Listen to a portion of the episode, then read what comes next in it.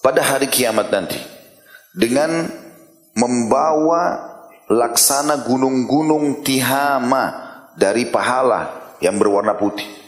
Nanti akan datang hari kiamat umatku ahli ibadah. Pahalanya bergunung-gunung. Ya dia sholat, ya dia puasa, ya dia haji, ya dia sedekah, segala macam. Seperti gunung-gunung Tihama. Tihama ini gunung-gunung yang sangat tinggi, besar gitu ya. Kemudian Allah Azza wa Jal menjadikannya seperti debu yang berterbangan di depan mata dia hari kiamat.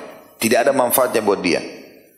Lalu ada yang bertanya, wahai Rasulullah, jelaskan sifat mereka kepada kami. Siapa orang-orang ini? Bawa pahala bergunung-gunung hari kiamat, tapi akhirnya Allah hancurkan depan mata mereka, dibuat seperti debu yang berterbangan, artinya tidak akan ditimbang, timbangan amal. Tidak ada manfaatnya bagi mereka. Beritahukan kepada kami, ya, siapa mereka, agar kami tidak menjadi bagian dari mereka, sementara kami tidak tahu maka Nabi SAW menjawab, ketahuilah mereka adalah saudara kalian. Satu bangsa dengan kalian. Artinya sama kaum muslimin.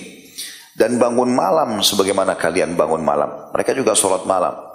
Tapi jika mereka menyendiri dengan larangan-larangan Allah, mereka melanggarnya.